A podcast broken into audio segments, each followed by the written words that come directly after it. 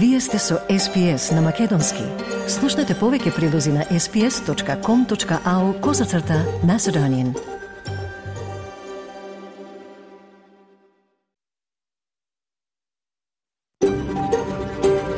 SBS, a world of difference. You're with SBS Macedonian on mobile, online, and on radio. Вие сте со SPS на Македонски на мобилен, преку интернет и на радио.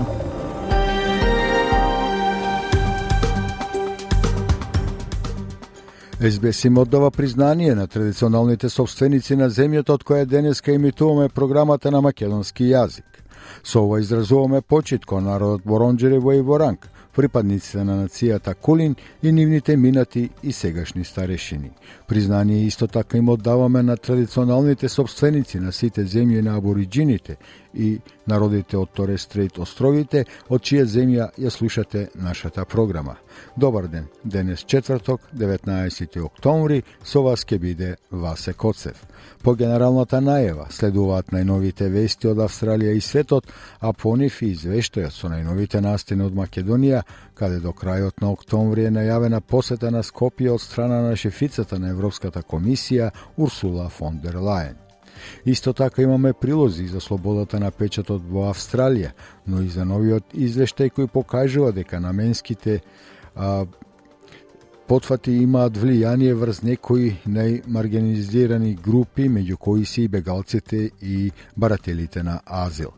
Кон крајот на програмата имаме и разговор со Ана Дуковска, основачка на иницијативата Македонците во светот, а тема на разговор ќе биде првата глобална женска лидерска конференција во Македонија. Програмата ја продолжуваме со најновите вести.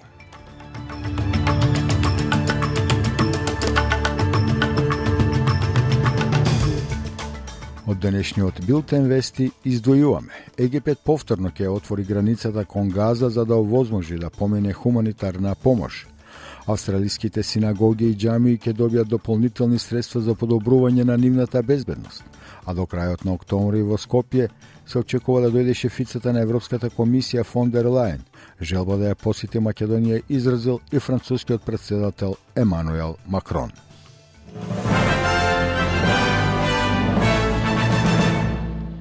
Американскиот председател Џо Бајден во средата потврди дека телефонски разговарал со египетскиот председател Абдел Фатах Ел Сиси, кој се согласил повторно да ја отвори границата на неговата земја. Ова доаѓа откако Обединетите нации соопшти дека 1 милион луѓе се раселени во Газа од почетокот на конфликтот помеѓу Израел и Хамас, при што многумина се соочуваат со недостиг од храна, вода и други залихи. Председателот разговараше со новинарите од Air Force One додека неговиот лет назад за Вашингтон запреза да наполни гориво по посетата на Израел, во која се заложи за солидарност со нацијата и го подржа незиниот извештај за експлозијата во болница во Газа, за која Хамас вели дека загинале најмалку 500 луѓе. Хамас го обвини Израел за нападот, додека Израел тврди дека е предизвикан од погрешно испукана ракета од исламски джихад, друга милитантна група која исто така ја отфрли одговорноста. Бајден вели дека договорот за повторно отварање на границата на Египет дошол по тие цитирам тешки преговори со господин Алсиси, израелскиот премиер, премиер Бенџамин Нетањаху of the trucks out as possible. There's, I guess, 150 or something there. Not all of them will go. The first tranche, if there's a second tranche, see how it goes. The commitment is, if in fact they cross the border, the UN is going to be on the other side and then distributing it.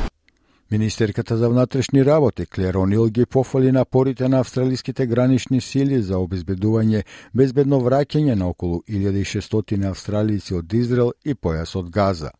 Тоа доаѓа додека последниот планиран лет на федералната влада се подготвува да тргне од Телавив до денеска.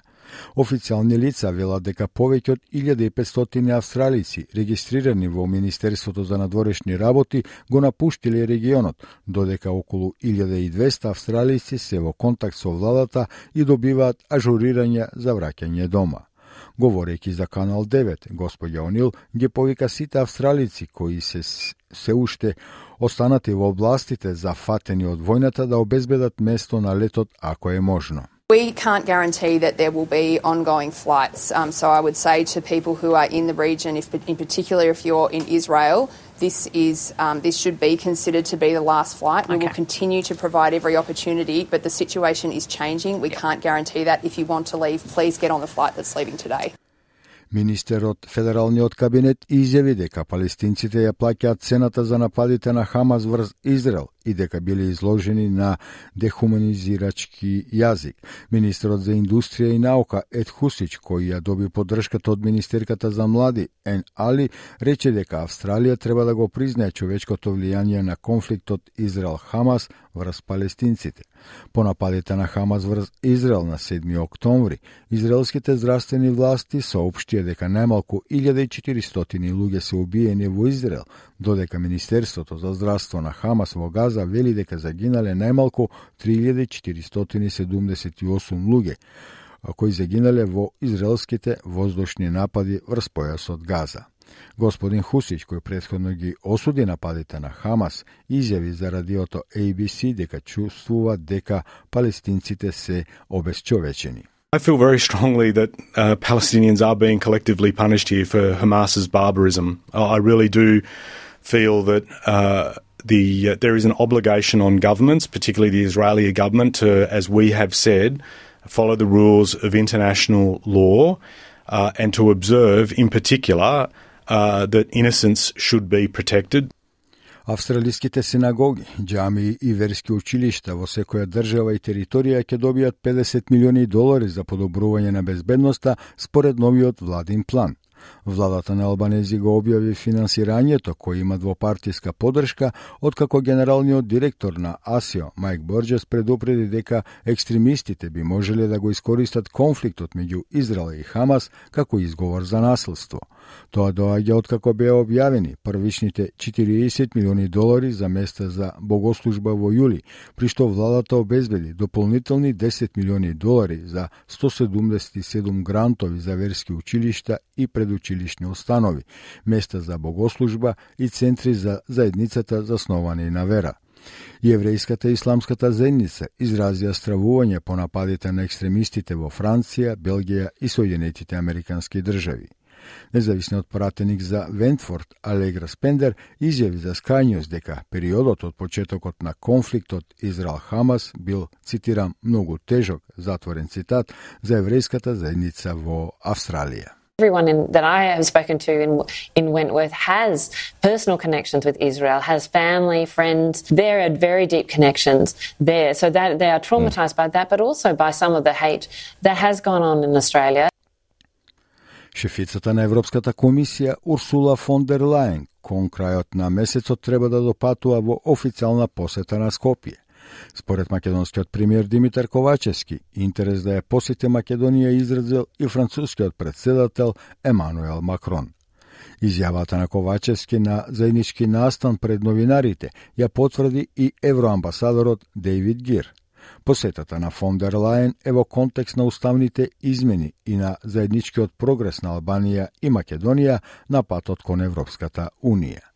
Последните пореки на францускиот председател Емануел Макрон од Тирана навестуваат дека во декември може да има разделување на пакетот Скопје-Тирана, додека Дејвид Гир пред новинарите уверуваше дека Македонија ужива голема поддршка како од европските институции, така и од самите земји членки на Европската Унија. I think there's very strong support for North Macedonia's future in the European Union from the EU institutions and from the EU member states. Last uh, in July 22, there was a European proposal which were, I think which was agreed and uh, as a result of which the country was able to open accession negotiations. That provided an opportunity for the country to move forward. Of course, it's a sovereign decision for this country to make on the constitutional changes. We very much hope that the country will be able to move forward on the constitutional changes, as well as on the reforms which are essential and part of your European path.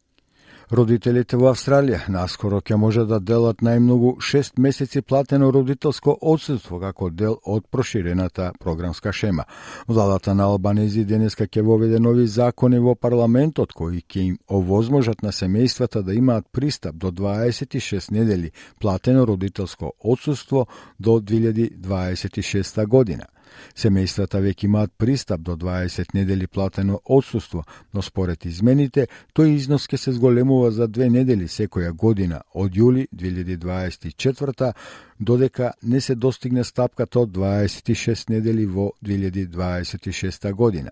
Министерката за социјални услуги Аманда Ришфорд изјави за ABC News дека секој родител исто така ќе добие минимален резервиран период на одсуство. Under our legislation, we're having four weeks reserved for each parent as a minimum, but the rest of the weeks can be divided in any way the family wants to uh, divide that, that caring responsibility. Министерот за одбрана Ричард Марлс ја посети Јужна Кореја, додека Австралија се обидува да ги зајакне врските со нацијата. Господин Марлс предупреди на потенцијалот за конфликт во регионот, вклучително и ако Тајван стане точка на удар меѓу САД и Кина на безбедносните разговори во Сеул. Тој во забелешките на силскиот одбранбен диалог рече дека е потребно да се воспостави одвраќање за да се осигури дека Кина или Северна Кореја ќе ги следат стапките на Русија по незината инвазија на Украина. Марлс вели дека одлуките донесени од Јужна Кореја, САД и партнерите како Австралија по примирието помогнале да се одржи мирот што постои денес, но дека, цитирам, сенката на војната, затворен цитат, се уште го прогонува регионот. Долниот дом на рускиот парламент го одобри нацрт законот за поништување на ратификацијата на глобалниот договор за забрана на нуклеарни тестови. Пратениците на Државната дума едногласно гласа за отповекување на ратификацијата на договорот за сеопфатна забрана на нуклеарни тестови во третото и последно читање во средата. Ова доаѓа откако рускиот председател Владимир Путин предходно овој месец предупреди дека Москва може да ја отповека својата одлука од 2000 година за ратификување на договорот. Председателот на Руската државна дума Вјачеслав Володин вели дека овој потек ја стави Русија на исто ниво со ставот на Соединетите држави кои го подпиша, но не го ратификуваа договорот. И уж если взяли на себя ответственность, The United States of America, if they take on the responsibility, should have been the first to ratify this treaty and take the lead. И тогда они будут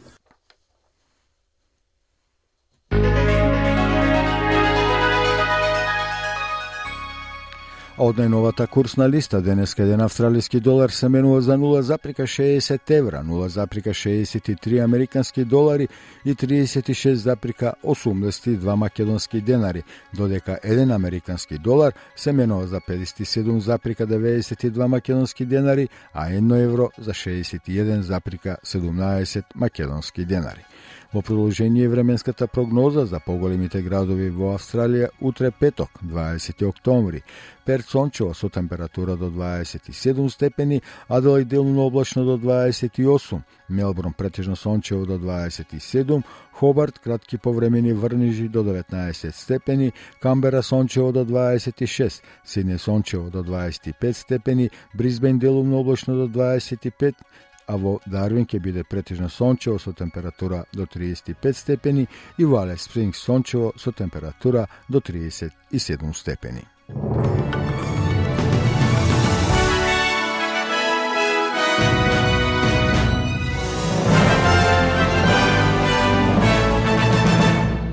Тоа беа најновите вести во програмата на македонски јазик на СБС радио, а денешните вести ќе можете да ги најдете на нашата Facebook страница SBS Macedonian или нашата веб страница sbs.com.eu коса црта Macedonian, каде што можете да ги најдете и другите а, прилози, а меѓу нив ќе го најдете и извештајот од Македонија, кој ќе го кој имате можност да го слушнете по првиот блог маркетинг. Слушате СБС радио, програма на македонски јазик. Денес со вас е Васе Коцев. Следува редовниот извештај од Македонија, денес подготвен од нашиот соработник Милчо Јовановски. Известува на повеќе теми, меѓу кои за тоа дека до крајот на октомври во Скопје доаѓа шефицата на Европската комисија, фон дер Лајен, а желба да, посе, да ја посети Македонија изрази францускиот председател Емануел Макрон. Во меѓувреме, евроамбасадорот Девид Гир изјавил дека Македонија има силна подршка за Европската Унија, но следните чекори зависат исклучиво од Македонија. Шефот пак на македонската дипломатија, министрот за надворешни работи Бујар Османи го повтори ставот дека одлуката за тоа дали Македонија ќе продолжи со Албанија на патот кон Европската Унија или ќе биде одвоена во преговорите во овој, како што вели нов забрзан геополитички придонес на процесот на интеграција во моментов е во раците на пратениците од опозицијата. Попширно за овие настани во извештајот.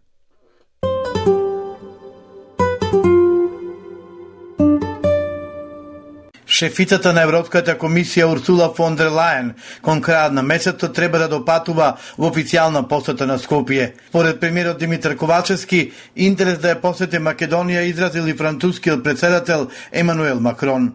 Изјавата на Ковачевски на заедничкиот настан пред новинарите ја потврди евроамбасадорот Дейвид Гир. Посетата на фон дер Лајен е во контекст на уставните измени и на заедничкиот прогрес на Албанија и Македонија на патот кон ЕУ. Последните пораки на францускиот председател Мануел Макрон од Тирана навестуваат дека во декември може да има разделување на пакетот Скопје-Тирана додека Гир пред новинарите уверуваше дека Македонија ужива голема поддршка како од европските институции, така и од самите земји членки на Европската Унија. I think there's very strong support for North Macedonia's future in the European Union from the EU institutions and from the EU member states. Last uh, in July 22 there was a European proposal which I think which was agreed and uh, as a result of which the country was able to open accession negotiations. That provided an opportunity for the country to move forward. Of course, it's a sovereign decision for this country to make on the constitutional changes. We very much hope that the country will be able to move forward on the constitutional changes, as well as on the reforms which are essential and part of your European path. На истиот настан прашан од новинарите за започнувањето на преговорите на Македонија со ЕУ, премиерот Ковачевски со став Тоа значи дека оние кои што побрзо ќе ги извршат направат своите обврски, кои што побрзо ќе ги направат реформите, тие први ќе влезат во Европската унија. Јас се надевам дека Северна Македонија ќе ја задржи својата лидерска позиција во делот на европските интеграции во регионот и дека нема да се случи, она што не посакувам да се случи, а тоа е да а, другите земји отидат пред нас, а ние да останеме во група на Косово и а, Босна и Херцеговина. На брифинг со новинарите, шефот на македонска дипломатија Бујар Османи еднаш околу тоа дали Албанија ќе се одвои од Македонија на патот кон ЕУ, рече дека одговорот треба да се бара во редовите на ВМРО ДПМНЕ одговорот на прашањето дали Северна Македонија ќе се одвои од Албанија или не е во рацете на пратениците од опозицијата. Доколку ги завршиме уставните измени на време, Северна Македонија ги отвара поглавијата и влегува неповратно во процесот на интеграција. Премиерот Димитар Ковачевски на прес одби да лицитира со датумите за изборите на пролет. Не одговори дали би можеле да бидат на 8 мај, како што предлага опозицијата, со тоа што вториот круг на председателските би бил споен со парламентарните избори. Значи време има, политичка волја има, избори ќе има, тие ќе бидат редовни, а кога ќе биде договорено а, кога ќе бидат, бидејќи во моментов ние имаме а, председателски избори кои што треба да се случат до свој одреден датум и имаме а, парламентарни избори кои што имаат своји рокови кога треба да се одржат. Тоа ќе бидат усогласени сите ставови, тогаш ќе може да биде информирана и јавноста. До тогаш се на на ниво на желби на ниво на спекулации, а јас никогаш не комуницирам ни на ниво на желба, ни на ниво на спекулација. Функционерските плати кои што изминатиот период предизвикаа лавина реакции и беа иницијална каписла за серија протести во Македонија, сепак ќе се скратат пренесе сител. Премиерот Димитар Ковачевски седум месеци по стапувањето на сила на одлуката на Уставниот суд, со што платите на функционерите скокнаа за 78%, најавува дека за недела две ќе се изнајде друго поприфатливо решение. За сега нема информации за колку би можеле да се намалат платите, ниту од кога би стапила на сила оваа промена. Но министерот за надворешни работи Бујар Османи кадар на Дуи, како што пренесе Телма, цитирам, како да не беше на линија на премиерот. Мислам дека е за фалење кога политичари велат не ми е важна платата. Бидејќи тоа некако као да кажува јас не живеам само од плата. Јас живеам само од оваа плата и се разбира дека ми е важно и мислам дека е, платата влијае и за квалитетот на луѓето кои што се решаваат воопшто да се вклучат во, во политиката. Председател Тево Пендаровски можеше да ги спречи измените на кривичниот законник и да го врати законом на повторно разгледување, но тој ги подпиша за да им се додбори на Димитар Ковачевски и на Али Ахмети, пишува ВМРО ДПМН во последното сообштение. Од партијата велат дека Пендаровски можеше да го врати законот на повторно разгледување, цитирам, со подпис на измените на кривичниот закон, Пендаровски буквално ги аболицира сите функционери од СДС и ДУИ, кои изминатиот период ја злоупотребувале службената положба и областување, се наведува во сообштението. ВМРО ДПМН смета дека Пендаровски е директно виновен за хаосот во државата и деградирањето на правото. Председател Тево Пендаровски минатата недела во телевизиско интервју одговори на обвинувањата дека измените на кривичниот законник се направени за враќање на поранешниот премиер Никола Груевски.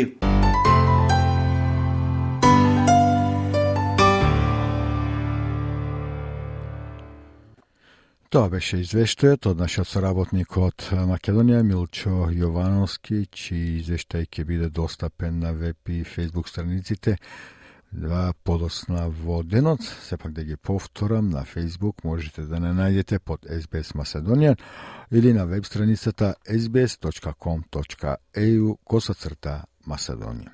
Во продолжение продолжуваме со еден прилог на домашна австралиска тема, имено Питер Гресте се најде на насловните страници во 2015 година, кога беше уапсен во Египет под обвинение за тероризам при што поддржувачите тврдеа дека бил уапсен од влада која сакала да го потисне новинарството што не го сакала. Осум години подоцна тој ги обновува повиците. Австралија сериозно да ја свати слободата на печатот.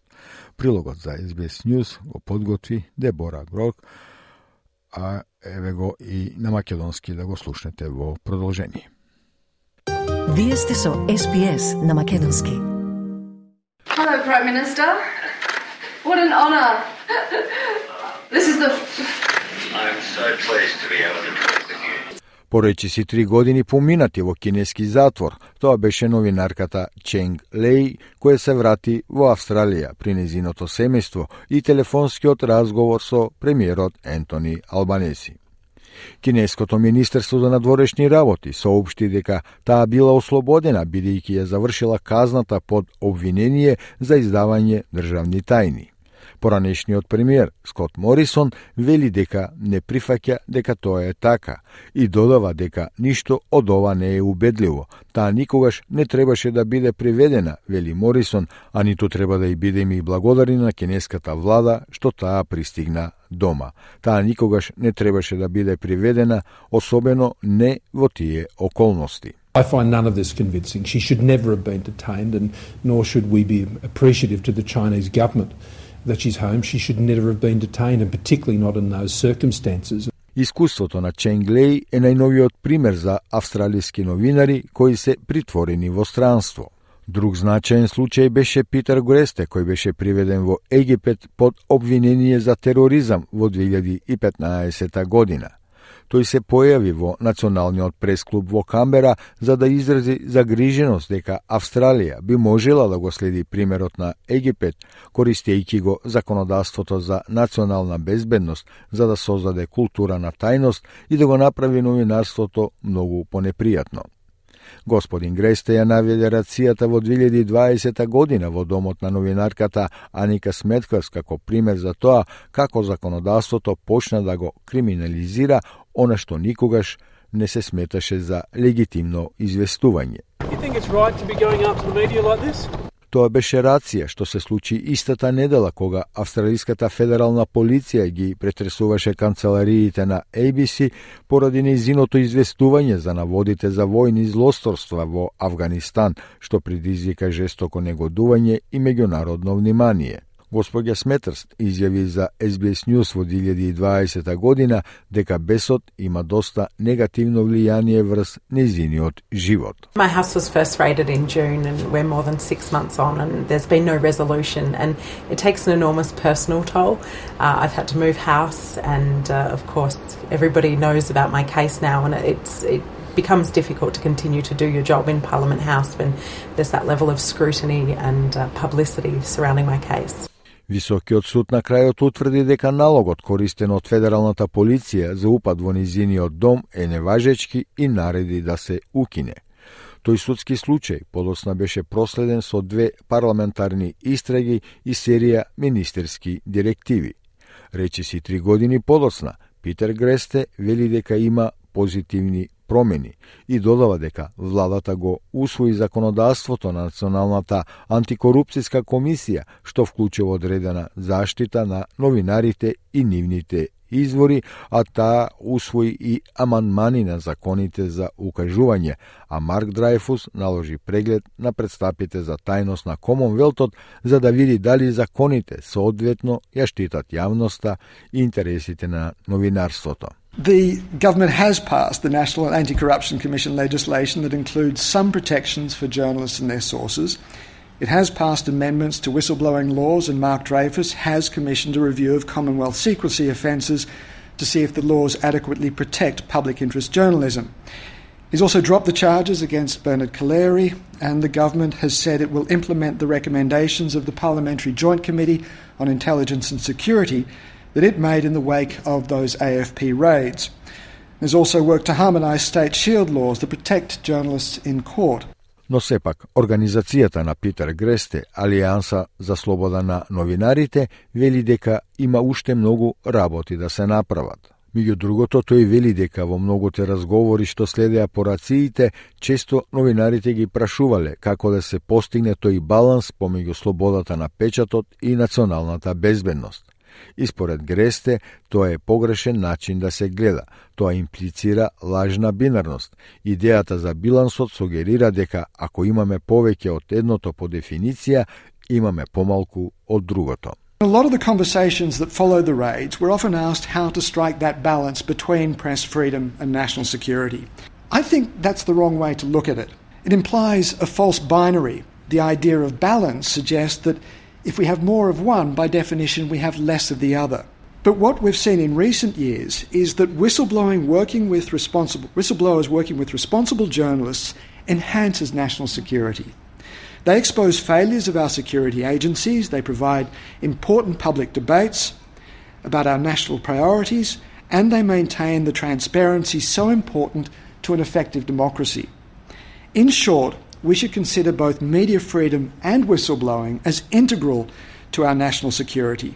Питер Гресте вели дека се уште има свиркачи кои се гонат за валидни обелоденувања, особено Ричард Бойл, кој откри агресивна тактика за наплата на австралиската даношна канцеларија, и Дейвид Мекбрайт, кој ги разоткри наводите за војни злосторства извршени од австралиски војници во Афганистан.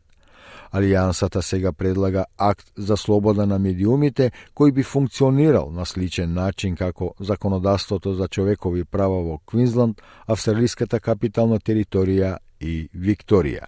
Надешта е дека ќе понуди поголема заштита. Питер Гресте вели дека законите прават три многу едноставни работи. Тие го принудуваат парламентот секогаш да ги разгледува човековите права кога и да донесува ново законодавство. Тие велат дека судовите мора секогаш да го толкуваат постојното законодавство на начини кои се во согласност со човековите права и дека државните службеници мора да действуваат на начини кои ги подржуваат човековите права. И според него, ако ги замениме зборовите човекови права со слободи на медиумите, тогаш мислам дека сме близко до решение кои би имало длабоки импликации за односот меѓу владата и медиумите, вели Гресте. There, the, laws do three very simple things. First, they compel Parliament to always consider human rights whenever they're passing new legislation. They say the courts must always interpret existing legislation in ways that are consistent with human rights, and that civil servants must act in ways that support human rights. Now, if we replace the words human rights with media freedom, then I think we're close to a solution that would have profound implications for the relationship between government and the media, and through them, with the people that both are supposed to serve. Вие сте со SPS на Македонски. Социјалните предпријатија рапидно растат низ Австралија, нов извештај покажува дека наменските потфати имаат влијание врз некои од најмаргинализираните групи во оваа земја, вклучувајќи ги бегалците и барателите на азил. За тоа ќе слушнете повеќе од прилогот на Сандра Фулон, подготвен за SBS News, а на македонски го подготви колешката Маргарита Василева. Работници поплочуваат под на нов дом во западниот дел на Сиднеј. Сечењето на плочките е прецизна работа, а приправникот Муштаба Фолад работи интензивно. Квалификуваниот инженер беше принуден да побегне од Афганистан на почетокот на оваа година поради опасноста. Тој работел на проект, но по доаѓањето на талибанците, проектот беше прекинат. Because Afghanistan, my living in Afghanistan very dangerous. After I was working in the road, but Afghanistan is uh, controlled by Taliban, all of project stopped. 25-годишникот е меѓу десетици бегалци ангажирани и обучени во Австралија од страна на Community Construction. Социјалното предпријатие го води колега афганистански бегалец и предприемач Хедајат Осјан. Муштаба вели тој е многу среќен поради што Хедајат е многу добар човек и помага на луѓето од Афганистан кои не може да добијат работа. I am very happy. Hidayat is very good man in helping other people because Afghanistan people cannot work Господинот Осјан го започна својот бизнис пред 7 години за да ги поддржи бегалците кои пристигнуваат во Австралија од Афганистан, Ирак, Иран, Пакистан и Судан и за кои англискиот јазик е најголемата бариера. Тој вели невладењето на англискиот јазик автоматски ги затвора можностите за работа. Воедно, додава Осјан, кога бегалците доаѓаат во Австралија, нивните квалификации не се признати и мора да почнат одново. English language is uh, the biggest barrier. So when we don't speak English, just automatically close all the opportunity for us. Most of them they are Afghan because I am an Afghan. We have people from Iran, from Pakistan, from Syria, from Iraq. I had a couple of Sudanese, so it's very diverse. When the refugee come to Australia, qualification is not recognized, and that's why they have to start from very scratch. Некои бегалци кои побегнале од војните зони или од прогон се соочуваат и со други предизвици, вели Осјан – Тие се истрауматизирани. Социјалното предпријатие им дава безбеден простор каде што можат да се чувствуваат дека припаѓаат, да придонесат за обштеството и да ги поддржуваат своите семејства. They are very traumatized, so we gave them a very safe space where they can flourish, where they can feel belonging and also where they can contribute to society and also support their families. Господинот Осијан припаѓа на народот Хазара, кој е меѓу најпрогонуваните групи во Афганистан – Иако сега тој е во раните 30-ти години, господинот Осјан не може да биде прецизен за тоа кога тој е роден, затоа што не се воделе записи и вели тоа било некаде околу 1992 година во планински кварт во централен Афганистан. Неговиот свет бил многу мал бидејќи немале пристап до струја. Имал своја фарма и потекнува од семејство од средна класа, го опишува местото каде живеел како прекрасно, со многу зеленило и со точно четири сезони. Осјан вели имал многу мирен живот кога бил помлад. My world was very small because we had no access to electricity, to no power, to no um, TV. I had my own farmer. I was from a middle class families. It was a beautiful place, um, very greenery. We had exactly four seasons. I had a very peaceful life when I was young. Но тој вели дека мирот за секогаш бил нарушен кога неговиот татко исчезнал. Во 2006 година, кога талибанците се прегрупираа во нивната област, тие често го напаѓаа неговото село. Татко му бил професор во средно училиште и носел книги за локалното училиште од градовите.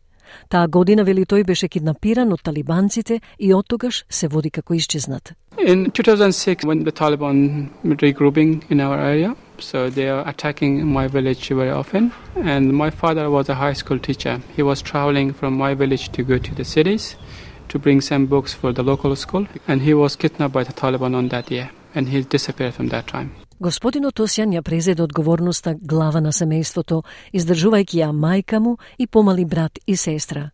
Потоа во 2009 година талибанците повторно нападнаа и тој како 17 годишник беше принуден да побегне во Кабул, каде најде начин како да го напушти Афганистан. I went to Kabul to find somewhere to leave Afghanistan and I found a people smuggler and then he just took me from that moment so I had no identity, I had no power for my destination. Господин Отосијан вели дека платил речиси 5000 австралиски долари за да лета од Кабул до Дубај и Малезија, а подоцна отпатувал со брод до Индонезија, каде што бил приведен од локалните власти поради што немал правен документ. Тој вели евентуално се нашол уапсен од индонезиската полиција и заедно со околу 50 луѓе беше ставен во затвор, во многу мала соба, каде секој ден им даваа само една порција храна. I was arrested by the Indonesian police because I had no legal document and it was around 50 people on that jail, very small room and they gave us only like one portion of food every day. Господинот Осјан великонечно избегал само за да се најде заглавен во главниот град на Джакарта, каде ја донел одлуката да тргне за Австралија, соочен со единствената опција да патува со брод. Бил свесен за опасностите. Кога стигна до меѓународни води, по 9 дена пловење на море, ги спаси австралиската морнарица и ги однесоа во прифатниот центар на островот Christmas Island. По два месеци бил префрлен во притворниот центар во Мелбурн и по три и пол месеци по неговото интервју со Министерството за внатрешни работи, господинот Осјан конечно добил статус на постојан жител. To take the boat journey because I have two small siblings and my mom who is left behind in Afghanistan, which is very dangerous. And also I was living in underground in Indonesia because I had no legal documents. One of my friend, he was my roommate. He left Indonesia just one month before I left. And he was disappeared in the water with other 65 people. And I knew that that's going to happen to me as well, but I had no option. When we reached out to international water, after nine days, and the Australian navies came and they rescued us and they took to Christmas Island Detention Centre. I was there for about two months and then they transferred me to Melbourne Detention Centre. It took about three and a half months when I did my all interview with the Department of Home Affairs and finally I got my permanent residence. Само 9 месеци по бегството од својот дом во Афганистан, господинот Осјан беше на слобода, но се соочуваше со неизвестна иднина во Мелбурн. Тој не можеше да мирува и на 18 годишна возраст се ангажира на градење нов живот за себе. Тој започна со студирање политика и меѓународни односи, постигнувајќи диплома за уметност и дизајн. Во 2016 година доби понуда да докторира на Универзитетот во Камбера, со што и му се исполни сонот на господинот Осјан, кој како припадник на народот Хазара од Афганистан успеал да стекне образование. I studied politics and international relations, my bachelor degree, and then I did my honors degree in art and designs. When I finished my honors degree in 2016, I received an offer to do my PhD at the same university in Canberra. And um, I was very excited because imagine a Hazara boy who came to Australia and had that opportunity to do the PhD. And that was my dream. Тој сон засега е на чекање додека тој ја развива корпоративната заедница, создавајќи работа за други како него. I'm very proud that now I'm in a position which I can help the rest of uh, my community, those who are left behind, those who wants to contribute. I provide a safe platform for them where they can flourish, where they can support their families, where they can contribute to Australia. И тој не е сам. Бизнисите кои враќаат рапидно растат, според австралискиот сертификат за социјални предпријатија Social Traders.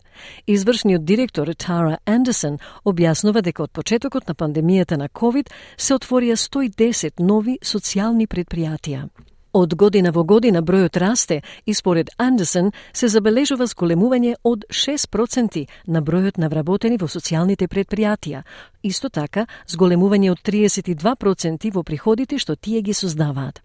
Ова, вели Андерсон, е важна статистика, бидејќи 78% од социјалните предпријатија ги зголемуваат своите инвестиции во еколошки и социјални резултати. Since COVID, the pandemic started, we've had 110 new social enterprises open their doors. Year on year growth, we're seeing a 6% increase in the number of people employed by social enterprises.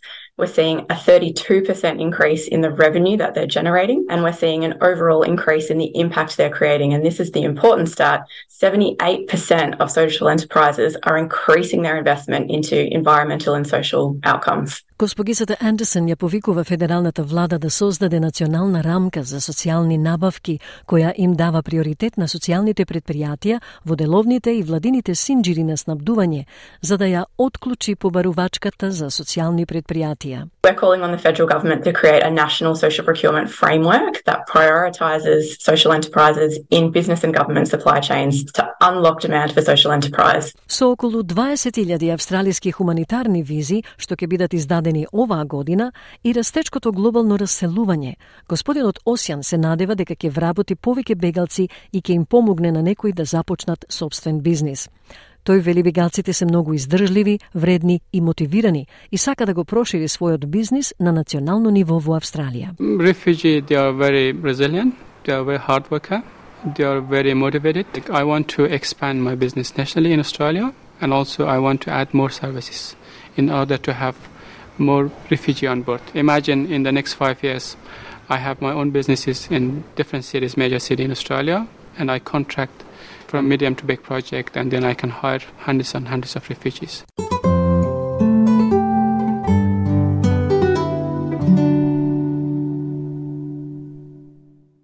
Slušate SBS radio programa na makedonski jezik, gdje ne su.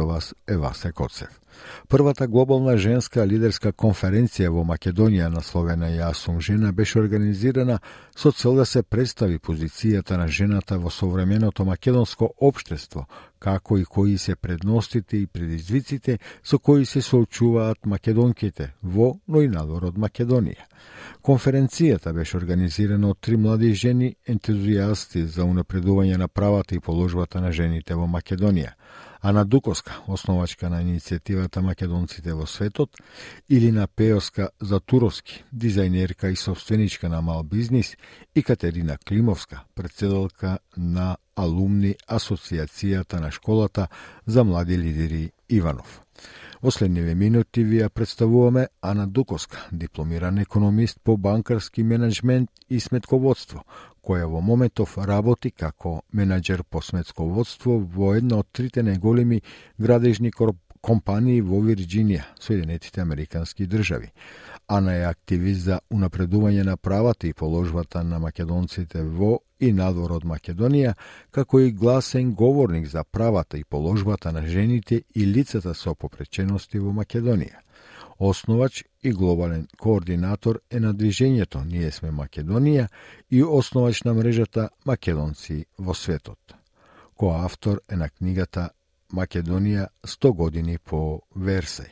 Разговорот со Ана Дуковска го води нашиот соработник Милчо Јовановски.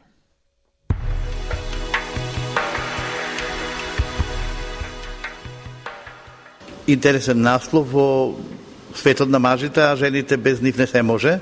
Нели таа е на сентенца која што се повторува кога сакаме да ги поделиме половите, а нели сите ние се бориме за некоја си своја рамноправност.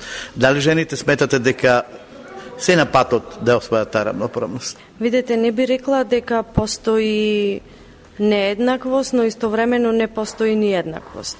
Борбата секогаш е постојана, секогаш има простор за унапредување и на правата на жената и подобрување на нејзината положба во општеството. Сметам дека дека жената се се изборила во последните години, еве да кажам, со, со а, со новата технологија и со новите модерни времиња кои доаѓаат дека жената излегува од таа традиционална рамка дека треба да биде само мајка, домакинка, столб на, доно, на домо што не ја исклучува и сега. А жената денес го прави истото, но истовремено се стреми и да има и професионална кариера и дури во професии каде што до сега важеа како за доминантниот машкиот пол. Како дојдовте на идеја всушност да организирате не само прва, туку веќе и втора глобална женска конференција посветена на оваа тема Јас сум жена. Како почна се? А, ова идеја ми е, ми е во замисла веќе неколку години. Минатата година ја одржавме првата женска лидерска конференција која заврши скромно, еве да кажам, со, со голем успех. А, И потикнати од тој успех од мината годишната конференција, одлучивме дека дека оваа конференција и овај тип на со, собир на жени кои имаат успешни приказни и кои треба, заслужуваат да добијат платформа за да ги раскажат и, и да ги споделат со сите млади девојчиња кои имаат аспирации да бидат во таа професија. Видете, од нивните од нивните успешни приказни не само што ќе се мотивираме, туку можеме и многу да научиме, а истовремено и да ги оствариме тие контакти во поглед на вмрежување за за еден ден и, и овие успешни жени им бидат менторки на идните успешни жени четири панел дискусии во текот на еден ден, интересни аспекти и прашања и одговори на учесничките. Кој се е меѓу вас овде во Охрид?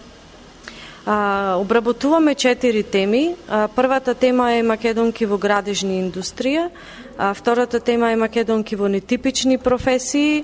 А, тука би спомнала единствена жена оджачарка во Македонија, капетан на воена пошта Петровец за Скопје и а, жена која работи специјалист за сајбер безбедност нетипични професии за жена во машки свет.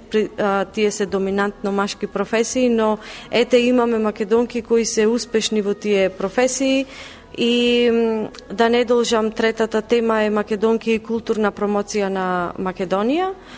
Четвртата тема е македонки во светот, поточно тука имаме две панелистки кои живеат надвор од Македонија А, едната живее во Швајцарија, другата живее во Австралија и имаме видео, видео од девојка која живее во Русија. Вака кога би се сврдане на овие дискусии што ги слушаме, јас мислам дека ако жените, морам како машко да признам, би биле начело на многу институции, на многу места, би биле многу поуспешни од мажите со својото рацио. видете, жените од секогаш важеле за мулти жените се личности кои ги имаат квалитетите да прават повеќе нешта истовремено. Ага. Кај мажите тоа не е баш така, фокусот е само на една насока, со, со, сита, со сета почит према машкиот пол. А, не сакам да делам никого, се, ние не сакаме да, да доминираме врз машкиот пол, ние сакаме едноставно да покажеме дека имаме вештини, знаење, квалитет, да бидеме рамо до рамо со нив и да ги да носиме и одлуки и да го напреду, да го напредуваме заедно општеството. Нема машки и женски професии. Нема машки и женски професии. Како се о, фидбекот од таа првата до оваа втора конференција? Се зголеми ли број на луѓето кои веруваат во вас, во вас што го правите? Верувајте, инспирацијата за организирање повторно на конференција се должи токму на фидбекот и успехот од минато годишната конференција. А, преку целата година постојано добивав и пораки и а, повици за кога ќе биде следната конференција што си го сватив како како една задача дека ова не смее да застани тука, дека има има Македонија изобилува со македонки кои имаат успешни кариери и интересни приказни кои вреди да се чујат и да се споделат со сите, а, со цел да се мотивираат и млади девојчиња за да за да им се отвори хоризонтот кон овие професии. А, истовремено би додала дека ова втора поред годишна лидерска конференција е за прв пат организирана под организација на официјално здружение, кое се вика Здружение за за вмрежување на жени на успешни жени, едуцирање и истражување Јас сум жена Скопје. Значи официјално денеска обзнанивме дека имаме здружение. Да бидам искрена и еве да кажам на некој начин ексклузивна а, пред вас, минато годишната конференција се одржа во Скопје, ова се одржува во Охрид, што значи веќе даваме даваме насока дека ова конференција ќе се одржува секоја година во различен град во Македонија, затоа што не сакаме да се да се осврнуваме само кон местата каде што каде што е поголема популацијата, туку да ги посетиме сите и секој да има можност да ги слушне успешните приказни на македонската жена без разлика дали живее во Македонија или надвор од Македонија.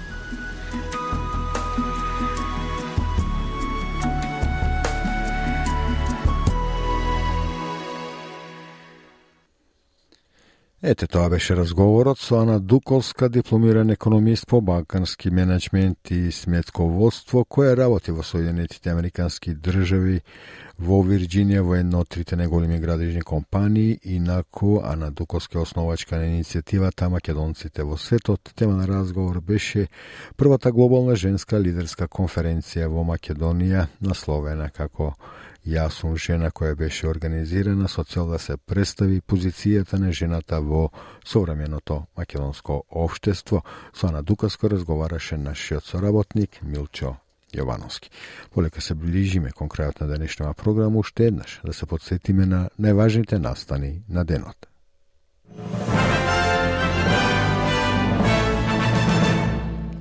Египет повторно ќе отвори границата кон Газа за да овозможи да помине хуманитарна помош. Австралиските синагоги и џамии ќе добијат дополнителни средства за подобрување на нивната безбедност. До крајот на октомври во Скопје се очекува да дојде шефицата на Европската комисија фон дер Лајен, а желба да ја посети Македонија изразил и францускиот председател Емануел Макрон.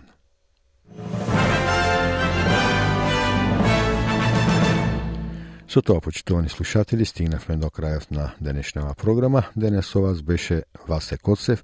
Ви благодарам за вниманието и бидете повторно со програмата на македонски јазик утре, петок, точно напладне. Во меѓувреме да ја подсетам дека за интервјуа, прилози и видеоклипови на разни теми одете на нашата Facebook страница SBS Macedonian или на веб страницата sbs.com.eu косацрта Macedonian. Пријатно попладне. Сакате ли да чуете повеќе прилози како овој? Слушате подкаст преку Apple Podcasts, Google Podcasts, Spotify или од каде и да ги добивате вашите подкасти.